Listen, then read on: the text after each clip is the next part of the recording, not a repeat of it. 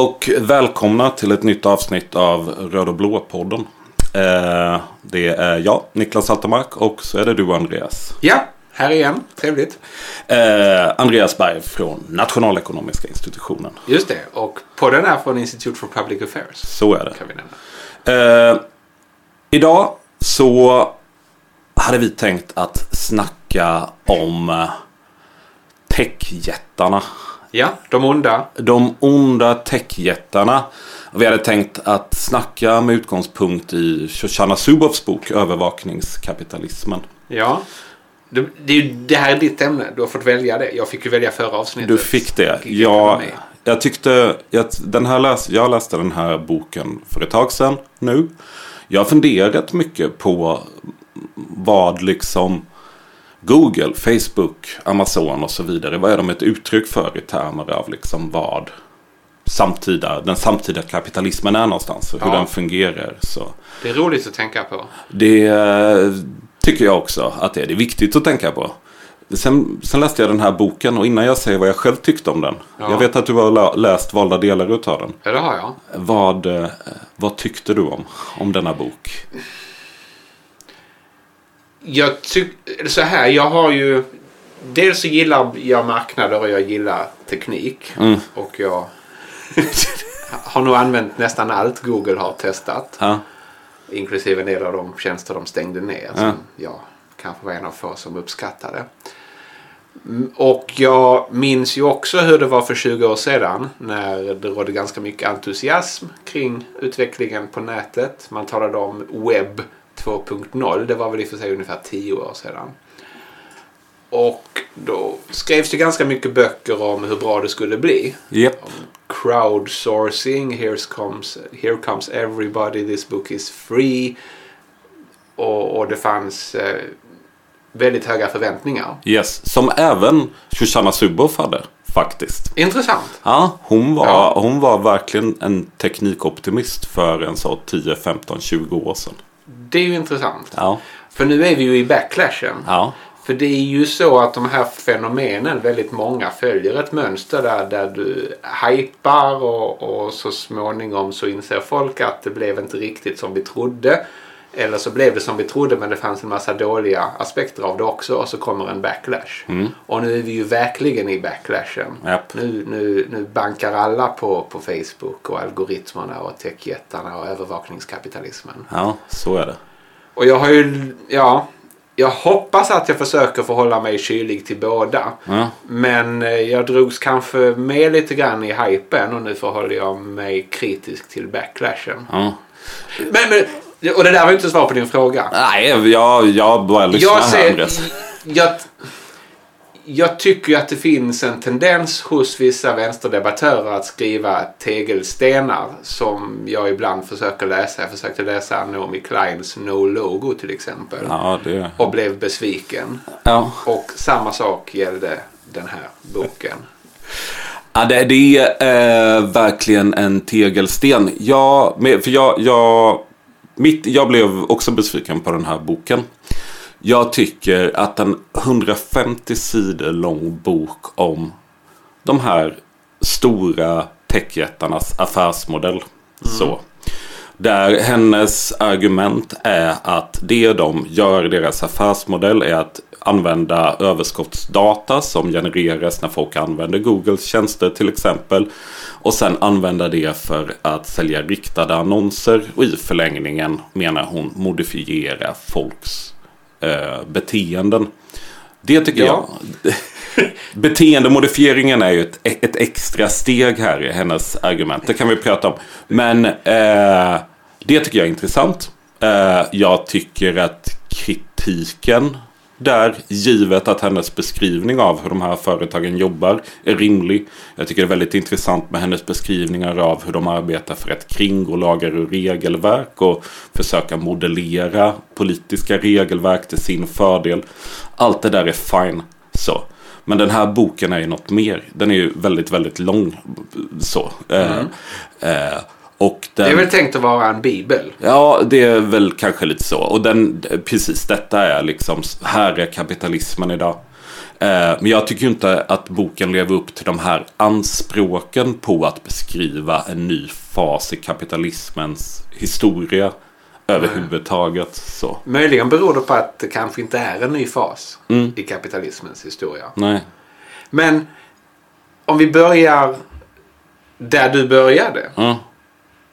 Så är det ju faktiskt så att, att Ja, idén är att sälja riktad reklam. Mm. Men reklam är ju inte nytt. Och eh, inte heller riktad reklam är nytt. Utan det man gör nytt är att man kan rikta den lite mer precis. Mm. Om folk har eh, tillåtit företagen Mm. att känna av vad de gör och vad de är intresserade av. Mm. Och eh, det har ju företagen fått folk att göra Mm. Genom att erbjuda dem tjänster som man har kallat gratis. Mm. Men som vi ekonomer säger, det, det finns ju egentligen ingenting som är gratis. Och Precis. betalar du inte för någonting så kanske du är produkten. Mm. Och det, det är ju sant att väldigt många har använt gratistjänster men avslöjat saker om sig själva. Mm. Som ger dem väldigt mycket data som de använder för att sedan med viss precision Ur ett... ut, e- exponera folk för reklam. Ja. Det där tycker jag inte nödvändigtvis är ett problem. Mm. Och det faktum att reklamen är eh, digital och bygger på vad du faktiskt är intresserad av. Mm. Ser jag nog till och med som en vinst framför den tid då reklam en masse delades ut i papper i folks brevlådor. Jag eh, tänker så här. Dels är det inte ur ett liberalt integritetsperspektiv är det inte ett problem att det finns aktörer som vet så oerhört mycket om oss. Ja, det, det kan det vara. Men jag tror möjligen att vi överdriver hur mycket de vet om oss. Jag var Mm. på en intressant workshop. Eftersom vi skickar en del av våra studenter och, och doktorer Mm. till techsektorn när de Mm. jobbar med att analysera data så ordnar vi också workshops där de får berätta lite grann om hur det är att jobba för till exempel företag inom internet Mm. och gigekonomin. Och åtminstone numera så vet de inte så mycket som vi kanske tror att de vet Mm. om, om sina kunder. Och de har också blivit mycket bättre på att tala om för användarna vad de vet och ge användarna olika möjligheter.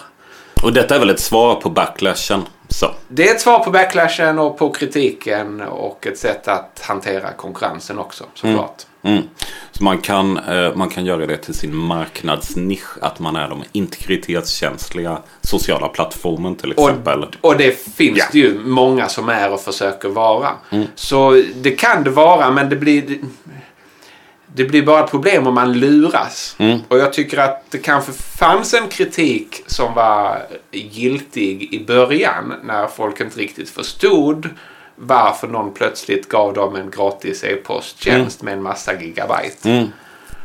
Men nu så tror jag de flesta förstår. Mm. Och jag tycker möjligen att en del regleringar har tvingat fram lite överdrivet klickande på okej och olika avtal hit och dit. Så är det ju absolut. Att man, det har ju slagit en hur mycket man, man god, måste godkänna nu när man besöker hemsidor. Ja. Och sådär. Jag tycker den utvecklingen är bra. Jag är en anhängare av politik, demokratisk politik och eh, reglering. Så. Ja, det, det är jag också, men jag tycker just att det här är till exempel GDPR som vi talar om. Ja, just det. vissa av de aspekterna som jag tror är problematisk. Ja men så är det. Absolut. Det eh, stöter vi som forskare på också.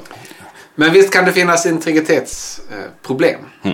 Och Det var min liberala fråga. Min större fråga var så att många skulle nog säga att eh, internet från det här loftet om den liksom fria multituden, liksom djungeln där man kan leta sig fram och hitta vad som helst. Men att internet har kommit att bli strukturerat av privata företag. Att, Ja. att liksom internets infrastruktur, ja men det är i realiteten Google och det är Facebook och det är Twitter och sen så är det vissa väldigt stora liksom sajter där man kan shoppa saker och sådär. Och att den eh, bångstyrighet och brokighet och därmed kanske också liksom möjlighet till eh, liksom motstånd eller vad det nu kan vara för någonting. Att den har blivit mindre. Ja, kanske. Men det slog mig att vi kan ha snubblat vid en skiljelinje mellan vänster och, och liberaler. Ja, ja. Som jag tror predaterar internet Mm. egentligen. Därför att vad jag skulle komma till var att just det där sista steget Mm. från riktad reklam Mm. till att modifiera människors beteende Mm. tror jag att många kritiker, ofta på vänsterkanten, Mm. överdriver. Mm.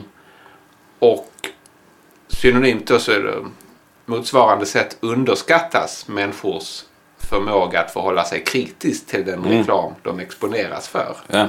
Och jag undrar om inte det där är en genomgående skillnad. För nu, nu påminner jag om en diskussion jag hade för länge sedan när jag talade med folk i förlagsbranschen. Mm. Som sa att, att vi ger ut tio böcker för att vi vet att någon av dem sannolikt blir en stor säljare. Mm. Men vi har ingen aning om vilken det blir. Vi kan inte påverka det.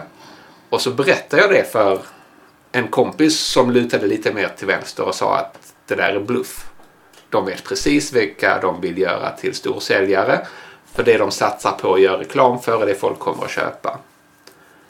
Och jag vill påstå att det stämmer inte utan förlagen kan göra reklam men plötsligt så blir det en storsäljare som de inte kunde förutspå blev en storsäljare av, av något eh, skäl som, som låg långt bortom bokförlagets kontroll. ja, jag förstår. Och, det, och det, den röda linjen här är alltså att vänstern tenderar att tro att storföretagen har mycket mer makt över oss konsumenter än vad de har. Och det kanske de har som aggregerad enhet. Men ett enskilt bokförlag kan inte genom mördande reklam bestämma sig för att nu ska alla plötsligt läsa den här boken. Utan de, de, de får satsa på ganska många och hoppas att de lyckas fånga någon Lisa Marklund eller Jan Guillou. Och sen när det har avslöjats då vet de såklart att det här gillar folk och då kan man köra dem till till absurdum. Ja, exakt. Och då får vi, då tapetseras stan med Ja, eh, precis. storsäljaren. Jag tror att vänstern är som bäst när vi tänker på, på liksom företag. Alltså, när vi tänker på privata intressen som en aggregerad enhet. Att det, det är också så här att, att liksom eh, tangera lite vad vi pratade om i vår förra podd. Liksom, att, att det kan finnas en tendens ibland att glömma det övergripande systemperspektivet och se hur liksom över tid samhällssystem, funktioner i samhället så designas för att eh, utifrån privata intressen helt enkelt. Medans man istället då gör till enskilda företag till någon slags eh, så allomfattande makt som tvingar oss. Men för jag, för jag, nu, Ja. vi snuddade vid en grej jag är intresserad av. Shoot. Syftet med reklam är ju att eh, förföra oss att eh, konsumera vissa saker. Hur, hur rimmar det liksom med idén om att det, alltså, det är ju någon slags, mm, i någon bemärkelse så, ja men deception liksom. Hur rimmar det med marknadstanken att vi ska konsumera de varorna som är bäst och sådär? Det, det är en jättebra fråga. Mm. Och jag tycker ju att reklam är väldigt intressant som fenomen. Ja,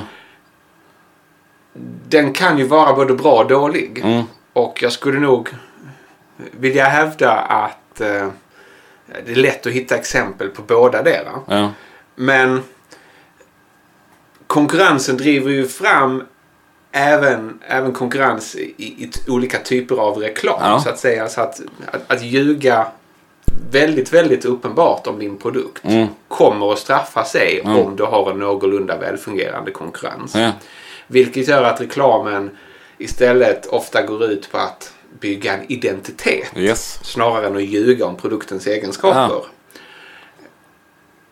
Och då kan man ju tycka vad man vill om de identiteter som byggs. Ja, Eh, intressant nog så den senaste reklamkritiska vågen Mm. kom ju snarast från höger. Mm. Eftersom företag numera bygger identiteter kring jämställdhet och Mm. mångkultur Mm. och eh, ansvarstagande och annat. ja. Patagonia liksom och Ben. Jerrys. Exakt. Ja, Och Gillettes eh, Ja. som då rebrandade sig från att vara ganska macho till att vara Ja. mycket, mycket mjukare. Och det där tycker jag är ett intressant fenomen. Mm. Sen kan jag ju se att det finns ett potentiellt collective action problem i reklam. Därför att det är ju rationellt för varje enskilt företag att göra reklam. Men då svarar deras konkurrenter med att också göra reklam.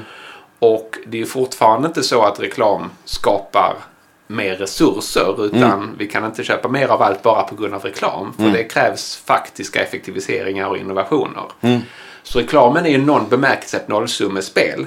Vilket gör att den skapar ett, ett väldigt brus. Ehm, och då återstår egentligen bara informationsvärdet om produkten. Att jag kan via marknadsföringsinsatser se vilka produkter som finns och vad de kan göra. Medan jag tror att jag har blivit bra på att bortse från bruset. Men bruset kan ju irritera mig också. Jag förstår. Men nej, men för jag tänker att Gillette rebrandar sig. Liksom.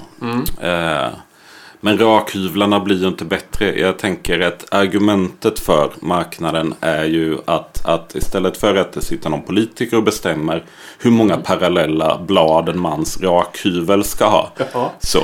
Som det var i Sovjet. Möjligtvis. Ja, ja så, som det kanske, ja. så, eh, så kommer vi konsumenter märka det.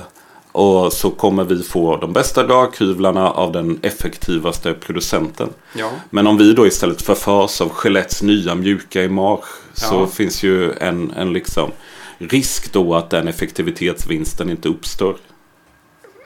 Fast det är fortfarande en effektivitetsvinst även om det verkar konstigt. Eftersom om det människor söker när de väljer rakhyvel är identitet snarare än funktion. Då är det det marknaden kommer att leverera. Precis. Och det, det, jag trodde det var väldigt bra att vi, att vi kom in på det här. Därför att jag, jag märker ju väldigt ofta att kritik mot marknadssamhället och, och marknadsföring och konkurrens egentligen som jag ser det kokar ner till kritik av vad människor efterfrågar. Som jag ibland kan sympatisera med. Jag tyckte det var roligare när just rakprodukter. Jag är ju gammal nog att minnas när de marknadsfördes med bilder tagna med mikroskop på hur skäggstråna Ja, skars av med sätt. laser Ja. för a smoother shave. Ja. Och väldigt mycket byggde på, på teknik och att övertyga konsumenten om att man hade en bättre teknik än de konkurrerande teknologierna. Men det var ju bara jag, jag är ju tekniknörd. Och jag övertygas ju inte av eh, de mer identitetspolitiska eller värderingsmässiga marknadsföringskampanjerna. Men det säger ju mig någonting att det är det väldigt många kör på just nu. Ja. Och det syns ju även i surveystudier att, att millennials och kidsen nu för tiden. För dem är värderingar och identitet och image viktigt. Ja, och det är ju, det här har eh, ju vänstern en ambivalent historia till. Det har ju länge funnits en kritik av att vi har gjort liksom eh, vänsteraktivism till en konsumtionsvara. Där man ska liksom köpa vissa saker, ha vissa saker. Eh, liksom så. Och Ja. e- egentligen så är det, jag tror inte det är ett nytt fenomen. Subkulturer har ju alltid byggt på att man, liksom, man har vissa kläder, köper vissa skivor. Och delar Så. av vänstern är ju bra på det. Jag, Ja. giss, jag gissar att, att, att eh, hon tar ganska bra betalt när hon föreläser. Och eh, Mm. om vi backar till den andra vänsterbibeln som jag försökte på, No Logo. Mm. Det briljanta med den var ju att det var en briljant logotyp. Ja. It was a logo. Mm. Och, och en eh, kult Mm. kring antikonsumismen. Mm, precis. Om man ser, om man tänker på ett annat argument i den här liksom, konsumtionssamhällesdiskussionen är ju att vi lever i en värld med ändliga resurser. Är det rimligt att vi upp, liksom, uppmuntras till mer och mer konsumtion, köpa mer och mer liksom, slit och slängvaror och sådär. Ett motargument är ju såklart att, att vissa varor är inte liksom, slit och slängvaror. Eh, Eh, och man kan för den delen också konsumera saker som inte tär på våra resurser. Eller sådär. Jag tycker det är orimligt och jag ogillar slit och släng. Mm. Ehm, Så, så långt är vi överens. Mm. Men det är ju intressant att du tar upp det nu när vi ska diskutera techföretagen. Ja. Därför att är det något de har gjort Mm. är det ju faktiskt att transformera väldigt mycket resurskrävande slit och släng Ja. till mindre resurskrävande slit och släng. Från dagstidningar då till exempel till... Ja, men Mm. också från min barndom var ju en orgie i plastleksaker av dålig kvalitet Ja. som inte höll. Mm. Medan min dotter nu när det är barnkalas Ja. då köper man Robux Ja. som är en digital valuta som sedan på en plattform omvandlas till flygande drakar eller virtuella kjolar eller ett hus. Som inte tar upp någon plats utan som är pixlar. Mm. Och det är ju lite besynnerligt men, men får nog ändå sägas vara innovativt. Mm. Roblox då, som det här spelet heter, är ju eh, eh, intressant. Det finns ju också, det har ju funnits en kritik. Roblox alltså, det är en plattform där användare skapar spel och vissa spelföretag skapar spel och de har en egen valuta som man kan köpa då så kallade skins för. Eh, som är alltså kläderna man har på sig i spelet och drakar och så. Och alla som har barn då i ålderssegmentet 6 till 10 eh, känner till detta. För att helt plötsligt får man ett barn som vill ha en digital valuta i födelsedagspresent.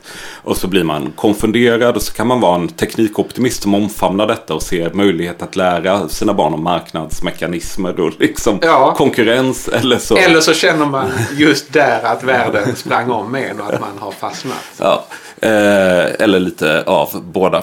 Eh, för där finns det ju också en kritik mot Roblox för att de, de eh, använder, det är en massa dedikerade människor som gör spel och de blir inte ersätta, ersatta i tillräcklig utsträckning för Nej. det. Det är en plattform Mm. som ju är briljant eller cynisk beroende på hur du ser det. Ja. Och, och det, det fiffiga med plattformar är ju att det enda de gör är att till, tillhandahålla ett ställe som då inte ens är ett fysiskt ställe utan Ja. en, en inloggning, lite, lite ganska rudimentär mjukvara. Ja. Där det är möjligt för andra att skapa Mm. innehåll. Mm. Content som det brukar kallas. Men Ja. det går ju att översätta till svenska. Så då. Spel till exempel. Och genom att låta vem som helst göra det där så slipper ju företaget själva programmera spelen. Och det innebär att människor har massor att välja på. Allt är inte bra.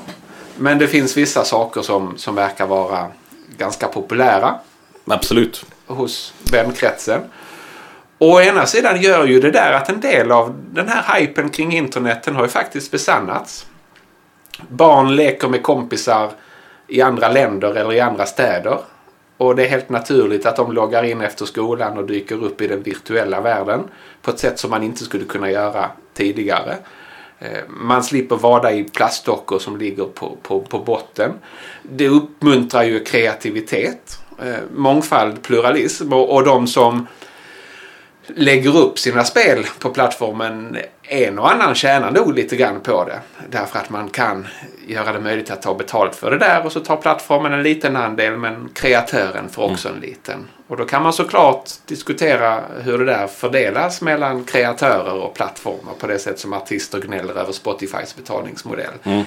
Men det är ju alltid det är samma förhandling om överskottet som alltid har pågått i kapitalistiska samhällen. Så är det absolut. Jag tänker att det finns ju en diskussion ibland om eh, möjligheten att ha demokratiskt styrda plattformar. Eh, en del verkar tänka sig statligt, mm, statligt ägda plattformar eller sådär.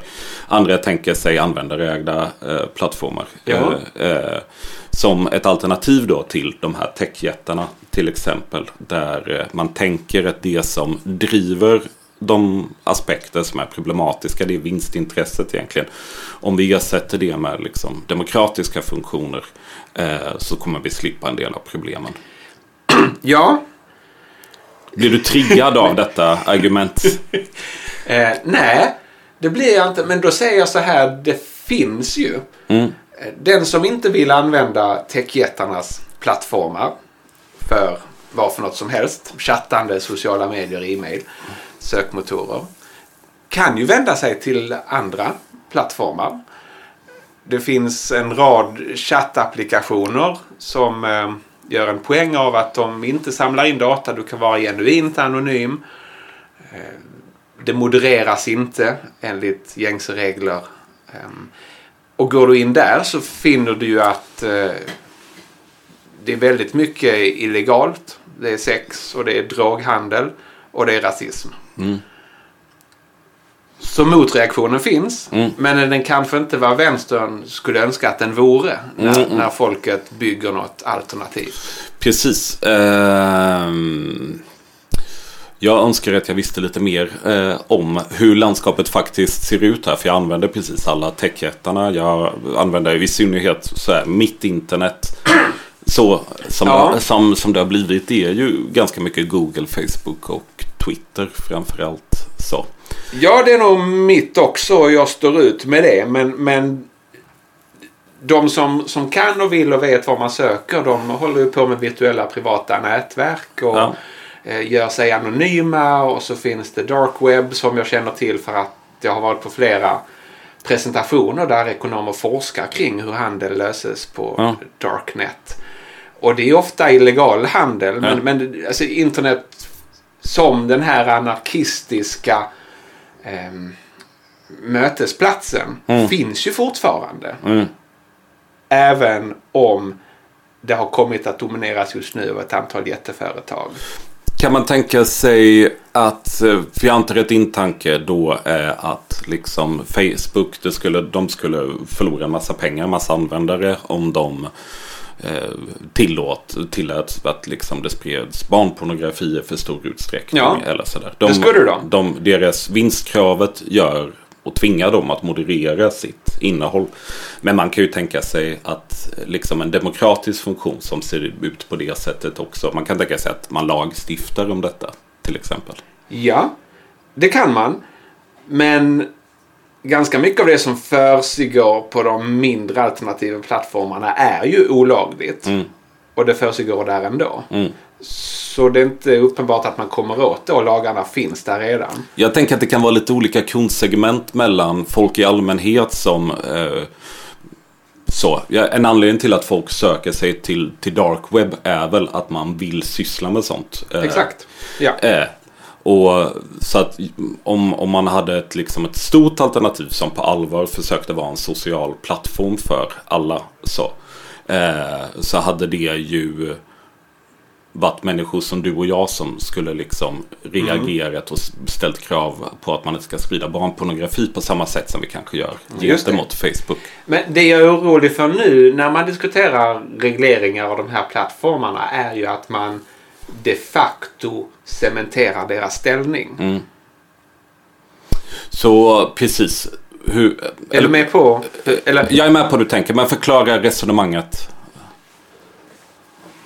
Facebook, Google, och, Amazon och de andra deltar ju nu i intensiva dialoger med, med regeringar och politiska organisationer och inte minst EU. Mm. Och är ganska förtjusta i att bli reglerad av EU eftersom man får lov att vara med i diskussioner om hur man ska regleras. Mm. Och dessutom så är man ju just nu de stora företagen med enorma finansiella resurser att uppfylla de här regleringarna. Och en konsekvens av regleringarna är att det blir betydligt dyrare att starta nya företag som utmanar giganterna. Mhm. Tidigare så har det varit ganska låga inträdesbarriärer Mm. i internetekonomin. Mm. Det räcker med några programmerare lite servrar så kommer du igång. Så är det liksom och så försvinner MySpace och Facebook kommer istället och så. Exakt. Och eh, man behöver inte vara supergammal för att minnas när den sökmotor alla använde inte hette Google. Utan var Alta Vista och lite annat. Mm. Och jag fick tips om Google av en doktorand på vår institution som var en riktig tech tekniknörd. Och sa att det här är en ny sökmotor som använder neurala nätverksteknologier. Den är mycket bättre på att hitta det du faktiskt söker efter. Mm. Och då var det något år när det var lite alternativt att söka med Google. Mm. Och nu är de jättestora. Eh, Facebook lika så. Det fanns sociala nätverk, Six Degrees och en massa annat Ja, innan absolut. Facebook kom. Men risken är ju nu att genom att reglera dem så cementerar vi deras ställning. Mm. Därför att det blir mycket svårare att ge sig in på marknaden och konkurrera. Om du måste ha en massa journalister som modererar kommentarsfälten eller jurister som kontrollerar att ingen postar en länk som bryter mot upphovsrätten. Eller vad det nu må röra sig om. Skulle en lösning på det problemet kunna vara att man gör det enklare att lagföra så lagbrott som sker? Liksom hets mot folkgrupp i kommentarsfält är hets mot folkgrupp. Istället för att det sitter en jurist på Facebook och löser det här problemet så blir människor åtalade istället. Kanske. Jag vi skulle få anställa många jurister inom staten i så fall. Ja, och det är jag ju skeptisk till. Det var kanske därför jag, jag sa kanske. Så här är det ju. Det är ju lätt att se varför många som vi skulle kunna kalla för gammelmedia mm. är kritiska till de nya aktörerna och menar att de saknar redaktörer, de saknar journalistiskt ansvar, de saknar ansvarig utgivare. Och det är orimligt. De måste ta ansvar för allt som skrivs på deras plattformar. Men det är klart att om du har en papperstidning som nu plötsligt tappar intäkter för att folk är på nätet istället. Så ligger det i ditt intresse att, att eh, basha eh, de nya aktörerna. Precis. Och det är inte uppenbart självklart att den som tillhandahåller ett diskussionsforum juridiskt ska hållas ansvarig för allt som postas där. Det tycker jag är en rätt så svår fråga. Mm, jag håller med.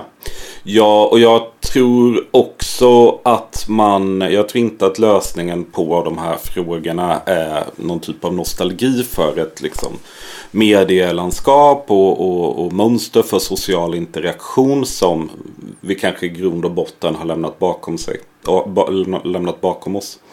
Men jag tror att det finns en genuin fråga om liksom, relationen mellan demokrati och internet.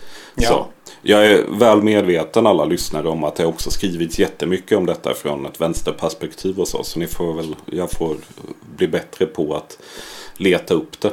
Men har inte en del av de demokratiska förhoppningarna på internet faktiskt besannats? Jo, det är klart att en del av dem har det.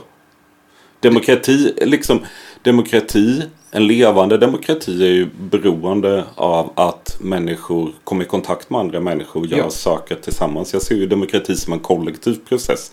Och det går inte att förneka att det sker. Och det går inte heller att förneka att det sker på en del av de här techjättarnas plattformar. Precis. Såklart. Vilket såklart är varför de techjättarna ofta blir måltavlor för ansträngningar från diktaturer till exempel mm. som vill trycka ner opposition och sådär.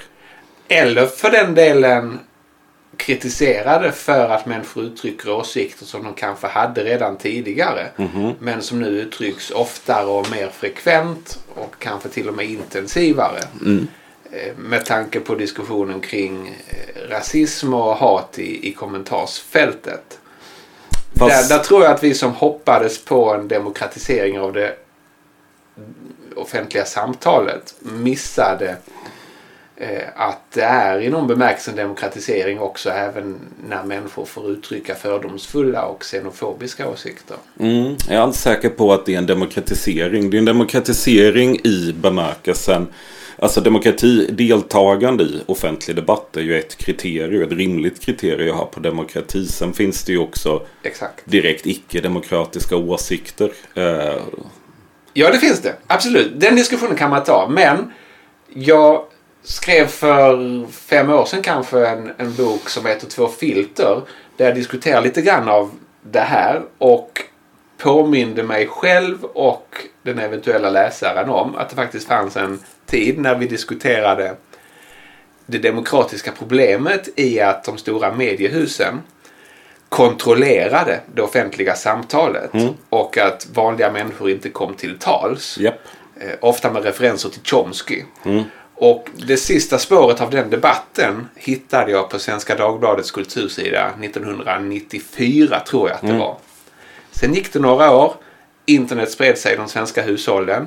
Och nu är problemet det omvända, nämligen att, att kreti och pleti, ofta en xenofobisk kreti och pleti, kommer till tals och, och säger sitt hat i, i kommentarsfälten mm. när det borde modereras av förståndiga redaktörer eller journalister. Precis, det finns ju, eh, det är ju två saker som kommer samman här.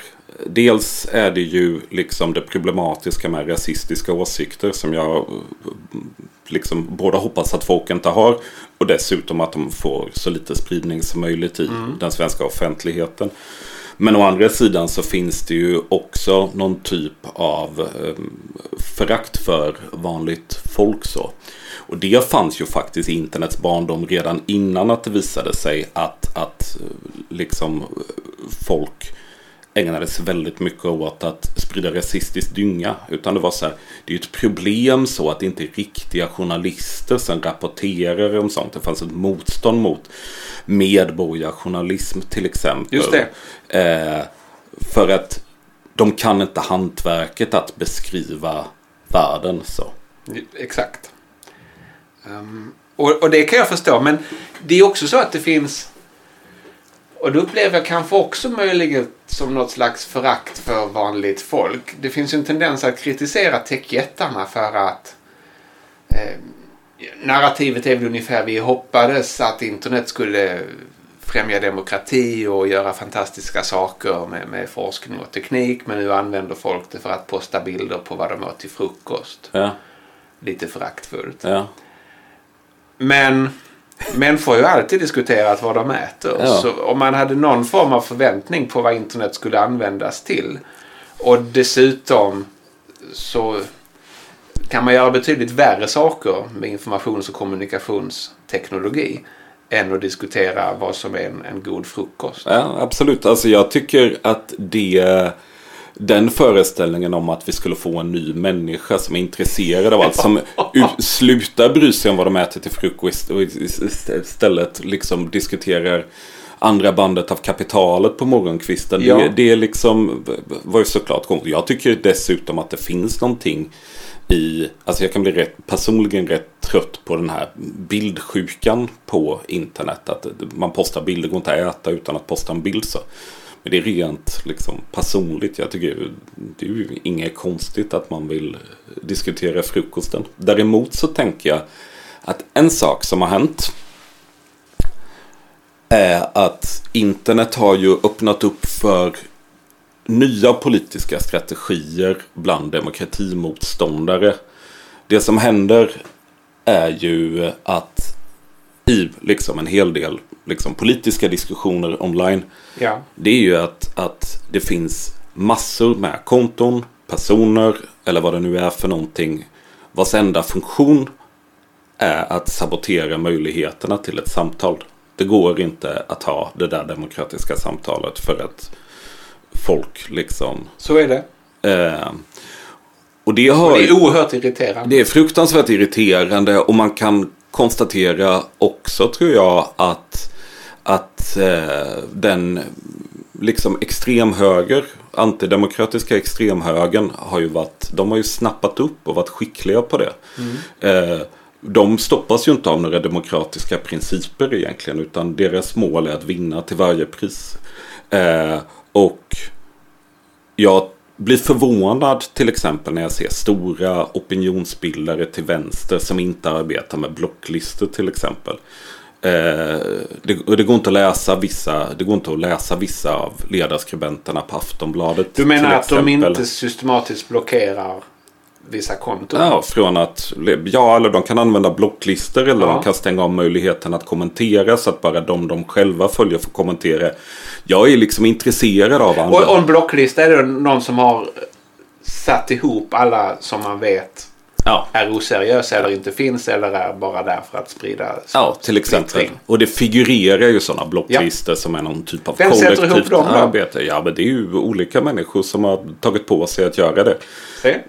Det jag, jag blockerar en hel del konton själva. Och det är bara liksom folk som kommer in i mina trådar och säger dra åt helvete eh, eller liksom spyr galla som inte är där. Mm. Så. Mm. Jag har däremot massa liksom från alla partier liksom som följer mig och sådär och det är inga problem. Så. Men att undanröja möjligheterna till en eh, diskussion är ju någonting annat. Men, och där kan jag bli, för jag vill gärna läsa ett meningsutbyte mellan, säg, Anders Lindberg på Aftonbladet och eh, liksom någon eh, ja. liberal ledarskribent. Jag vill gärna se dem tjafsa. Så, eller diskutera på Twitter till exempel. Men det går ju inte att läsa liksom Anders Lindbergs tweets för att vad han än skriver, liksom precis vad som helst så svärmas det av liksom rasister som kallar för Aftonbladet för Aftonhoran. Och liksom det blir ju, det blir ju Och det är ju ett problem för Twitter. ja, Och när alla använder Twitter så är det ett problem för användarna också. ja, Men ja, just nu är det oerhört aktuellt eftersom Elon Musk verkar ha ångrat sig eventuellt. Han skulle ju köpa Twitter. Och, Mm. just det. Det hade vi kunnat snacka om. Ja, men Ja, eh, vi får se hur han gör då. vi, vi får se hur han gör. Och vi, precis, han lovade ju också att röja upp bland eh, fuskkonto Mm. och annat. Men så här är det ju att ha ett offentligt torg. Ja, Och eh, det de här plattformarna gör är att de tillhandahåller ett digitalt offentligt torg. Och det kommer att finnas folk som beter sig dåligt. mm, Ehm, men det är egentligen, problemet blir ju större eftersom torgets potentiella storlek är Mm. mycket större på internet. Men det är samma fenomen som när, när det hålls ett politiskt möte och vissa går dit bara för att överrösta det för att de inte gillar vad som sägs. Men en skillnad på ett politiskt, och både du och jag sitter ju en hel del liksom politiska debatter och panelsamtal och vi är i Almedalen där det är allt möjligt folk. Och det har på sin höjd hänt några gånger att, att några, en eller två personer beter sig otrevligt eller hetsar. Ofta innebär den sociala pressen i den situationen att de drar därifrån. Det finns säkert folk som tänker att jag är en jävla idiot när jag Ja. sitter där och, och pratar. Men de flesta kommer hålla tyst med Ja. det. Skillnaden är att två personer kan agera som 40 personer på det offentliga torget och skrika i kör och avbryta precis alla. Och gör man en smart algoritm så kan den göra det och vara nollkänslig för social press. Mm, exakt. Ja, så det är ett problem. Eh, Men vad är slutsatsen av det då Niklas? Ja, slutsatsen av det. Jag tror väl egentligen på, jag vet, alltså jag eh, liksom, jag tror att de, de här politiska strategierna de kommer ju utvecklas och finnas liksom i det digitala rummet oavsett om det är techjättar som tillhandahåller det eller liksom demokratiska programmeringskooperativ eller stater eller så. Det är ett problem vi måste handskas med. Eh, och jag tror att vi måste bli bättre på att ta ett gemensamt ansvar för det samtalsklimat som vi upprätthåller. Så. Ja. Jag, jag tror också att vi rent juridiskt behöver bli striktare i att, att liksom hotar man någon eller uttrycker, alltså utgör hets mot folkgrupp så måste det kunna lagföras. Eh, Så. Och det har vi, vi väl i och för sig blivit bättre på. Ja, jag förstår och jag håller nog till stora delar med.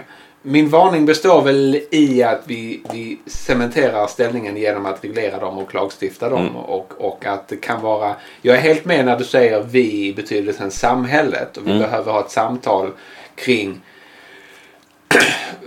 vad som är rimligt beteende på internet. Mm. Men eh, det jag vill understryka är att konkurrens har en helt avgörande roll och att storlek förr eller senare blir en konkurrensnackdel. Mm. På, på vägen hit så lyssnade jag på eh, en av de poddar jag lyssnar mycket på, Conversations with Tyler. Där Tyler är den amerikanska ekonomen Tyler Cowen. Som talade om allt möjligt, bland annat hur Amazon numera har blivit nästan oanvändbart. Mm. Att beställa en iPhone-laddare på Amazon är som att plötsligt teleporteras till en loppmarknad i Kina. Mm. Det finns så mycket dravel och eh, ibland så är det samma produkt som inte är Apples egna produkt men som säljs av olika leverantörer till olika priser. Och det blir väldigt, väldigt oöverskådligt därför att Amazons idé numera är att bara vara plattformen. Mm. Och det gör det nästan oanvändbart. Och Amazons svenska lansering är inte någon succé. Nej. Milt uttryckt. Samma sak gäller egentligen Facebook. Det var väldigt stort och, och, och inne när det kom och några år därefter. Vår generation kanske gick in där och fastnade där och är där fortfarande som någon slags telefonkatalog. Men, men studenter är där ganska pliktskyldigt och yngre kommer sannolikt att hamna någon annanstans. Därför att ett socialt nätverk som försöker vara så stort kommer inte vara det bästa för alla. man sa att barnen slutade vara där när deras föräldrar plötsligt ville bli vänner med dem. Därför att barnen vill vara någonstans där föräldrarna inte är. Mm. Och så vidare. Så, så man ska inte underskatta hur, hur snabbt det här. Ja, det går att bli väldigt stor men man kan också ganska snabbt tappa alla de här användarna till något nytt, bättre och annorlunda. Och då är det ett problem om Amazon har en monopolställning för att ingen annan har resurserna att liksom moderera Exakt, det hela. det är det. Sen, sen hoppas jag att de är mer innovativa än vad jag är på att lösa de problem som finns när det gäller bottar, att, att så split, eh, rasism och, och trams i kommentarsfälten. Men det bästa sättet att lösa de problemen är att ha många som tänker kring det. Mm. Jag tänker på, nu är det ju konstigt att ta upp Flashback här då i, när jag just har bashat liksom problem med trolleri och rasism och, Ja. och liksom antidemokratiska stämningar. Men, men Men Flashback är väl ett bra case? Eh, Det är ju ett case av kollektiv moderering i alla fall. Där Ja. den här funktionen att följa de regler som fi- finns uppsatta för forumet sköts gemensamt av moderatorer. Och det finns ju massor med forum där de moderatorerna liksom röstas fram och så vidare och så vidare. Många Mm. av de så fotbollsforum som jag hänger på liksom fungerar på det sättet. Spontana ordningar. Mm. Wikipedia är väl också en sådan? Mm. Hur ställer du dig till det med Wikipedia som källa i uppsatser? Och så? Det är en så typisk akademiker-diskussion som kom upp med jämna mellanrum. Ja, jag är ganska positiv. Ja, Men det finns ju ett knep ja, och det är att jag vill påstå att alla akademiker använder Wikipedia. Och det är för att de är smarta och för att Wikipedia är bra. ja. Men Wikipedia är ju ett av få exempel på en genuin kollektiv nyttighet. Därför att när du använder Wikipedia på ett smart sätt som akademiker så citerar du aldrig Wikipedia. Utan du ser var Wikipedia i sin tur har hämtat informationen från och så kan du citera primärkällan. Ja. Och till och med hitta primärkällan och läsa ännu mer där. Precis. Men Wikipedia har gjort väldigt ofta gjort ett bra jobb att sålla fram det väsentliga. Man läser det som en forskningsöversikt egentligen. Exakt. Och en av normerna som gäller för Wikipedia-sidor är att faktapåstående ska styrkas med källhänvisning. Yes. Och det är ganska ofta du läser på en sida och då har någon annan satt dit eh, citation needed Mm, för att det inte var styrkt. Precis. Vilket gör att du väldigt ofta kan lita på det som står där faktiskt. Och står det fel så rättas det ofta ganska snabbt. Och det är ju är det dessutom en läsare med en källkritisk förmåga som kan värdera information så, så kommer man också se vilka artiklar som är bra och vilka som inte är det. Exakt! Och det uppstår ju ofta, det är ofta så att Wikipedia är som bäst på omstridda områden därför att då har de reviderats iterativt. Nej. Så att båda sidor är okej med det som står där. Ja.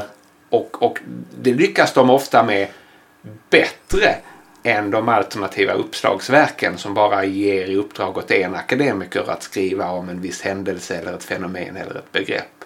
Då kan man ofta känna igen den personens käpphästar i texten. Mm, så kan det vara.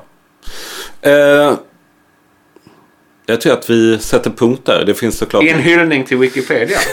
Exakt. Vi, vi fann common ground till Ja, slut. nej, men den noten. av- Faktum är att jag, när jag blir ombedd att donera till, till välgörenhet så väljer jag ofta Wikipedia. Mm. Jag tycker också att det är en otrolig resurs faktiskt. Eh, och jag... Nej, nu ska vi inte... Överens igen Niklas. Vi Överens se. igen. Ja. Vi ska inte slänga oss ut i nya resonemang utan vi, vi har kommande avsnitt som kommer komma. Yes. Tack för att ni lyssnade. Thank you.